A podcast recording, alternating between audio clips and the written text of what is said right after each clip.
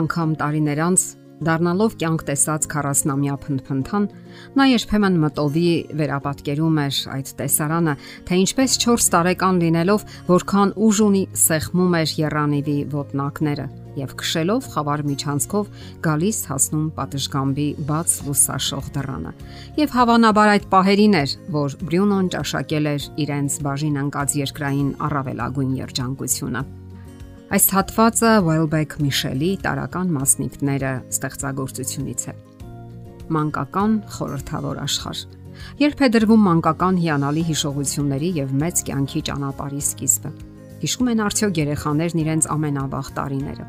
Բոլոր ծնողներին էլ հետաքրքրում է այն հարցը, թե երբ է դրվում ճիշտ դասյարակության հիմքը։ Շատ ծնողներ սկսում են իրենց երեխաների դասյարակությունը այն ժամանակ, երբ նա ինչ որ բան արդեն հասկանում է իսկ այն ժամանակ, երբ նա դեռևս ոչինչ չէր հասկանում։ Այսօր գիտնականները նույնպես փորձում են պատասխանել այդ հարցին. երբ սկսել դասյարակության գործընթացը։ Նրանք ասում են, որ երեխային իր սրտի տակ կրող մայրը նրան է փոխանցում այն ողջ տեղեկատվության 70%-ը, որը հաստատվում է պտղի ուղեղում որպես ապագա անznավորության, բնավորության, շրջապատող աշխարհի հետ փոխհարաբերությունների կառուցման հիմք։ Եվ այսպես, հղիության ժամանակաշրջանը ձևավորում է այն հիմքերը, առանց որոնց անհնար է լիարժեք անznավորություն դառնալ։ Ժամանակակից հոգեբանությունն այսօր բազմաթիվ գիտափորձերի արդյունքում parzabanել է մայրական ազդեցությունը պտղի վրա ավելի խոր մակարդակում, քան մտածում էին մինչ այդ։ Հղիության ժամանակաշրջանը բաժանվում է 3 փուլի։ Դրանցից յուրաքանչյուրի ժամանակ մայրը առանձնահատուկ ազդեցություն է գործում երեխայի վրա։ Առաջին 3 ամիսներին մեծ չափով զարգանում են ուղեղի նյարդային բջիջները, նեյրոնները։ Յուրաքանչյուր րոպեի ընթացքում, սկսած բեղմնավորման 8-րդ օրից, հայտնվում են մոտավորապես 20000 նոր բջիջներ, եւ այդպես 3 ամիսների ընթացքում։ Ուղեղը օրգանիզմի բոլոր համակարգերի գործունեության կենտրոնն է։ Դա ապագա մարդու բանականության, հոգեբանական առանձնահատկությունների, ընտունակությունների եւ հակումների հիմքն է։ Միշտ էլ այն կարծիքն է եղել, որ հղի մայրը պետք է խուսափի սթրեսային, տհաճ, սարսափ առաջացնող իրավիճակներից, ինչպիսիք են աղետները, հրդեհները եւ այլն։ Սակայն այսօր բժշկությունն ապացուցում է, որ մոր ամենօրյա համարյա աննշան ապրումներն են փոխանցվում երեխային եւ հետք թողնում նրա հոգեբանության վրա։ Եթե կինն իմանում է իր հղիության մասին եւ դա նրա մոտ հուսահատություն, վիշտ ու վախ է առաջացնում, կամ էլ նա ընդհանրապես չի ցանկանում այդ երեխային ունենալ, ապա ոչ մի բան այնպես խոր հոգեբանական բացասական հետք չի թողնում երեխայի վրա, ինչպես այդ խորթացման հեռացնելու մայրական ներքին կոնֆլիկտը։ Անցանկալի երեխան ծնվում է անլիարժեքության որևէ բարդույթով Եթե նույնիսկ հետագայում մի քանի ամիս հետո մայրը համաձայնում է եւ հաշտվում երեխա ունենալու մտքի հետ։ Ճիշտ նույն ձևով պտղի հոգեբանության վրա ազդում են մայրական հակումները, վարքագիծն ու սովորությունները։ Դեռևս 19-րդ դարում քրիստոնեական հեղինակներից մեկը այսպիսի մտքեր է արտահայտել Եթե մինչև երեխայի ծնունդը մայրը հագուրտ է տվել իր ցանկություններին, եթե նա եղել է եսասեր, գրգռված, պահանջկոտ, ապա նրա բնավորության այդ գծերը կարտացոլվեն նաև երեխայի բնավորության մեջ։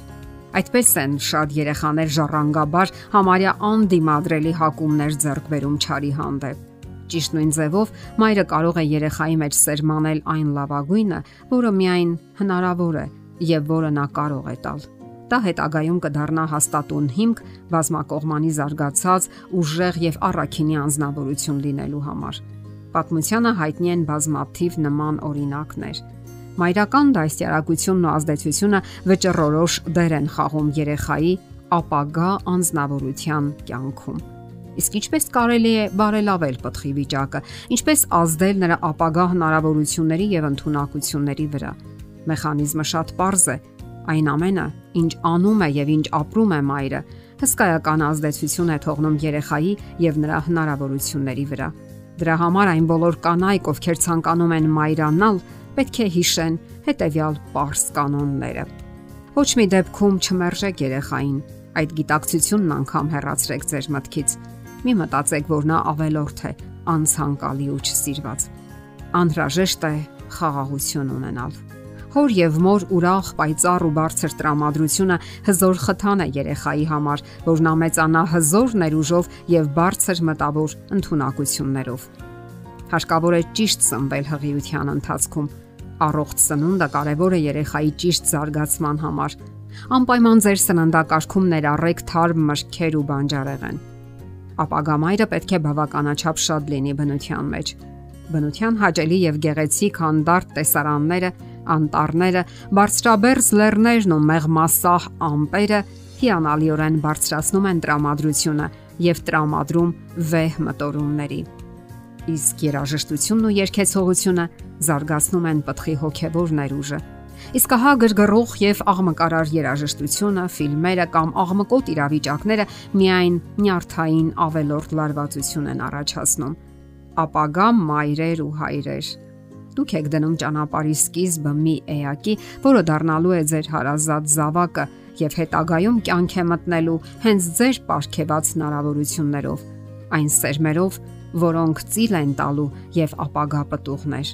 Ավելի ու ավելի հաճախ մտածեք այն մասին, թե որքան կարևոր է ձեր ներդրումը այդ հրաշալի էակի կայացման գործընթացում, որին Աստված ապարգևելու է ձեզ։ Եղեք սիրառատ ու խոհեմ Պարգևեք ձեր ընտանիքին ու հասարակությանը այն լավագույնը, որին միայն ընդունակ եք։ Դա երեխան է, այն եզակի անznավորությունը, որի ներկան ու ապագան ձեր ձեռքերում է։ Եթերում ընտանիք հաղորդաշարներ։ Ձեզ հետ է Գեղեցիկ Մարտիրոսյանը։ Հարցերի եւ առաջարկությունների համար զանգահարել 033 87 87 87 հեռախոսահամարով։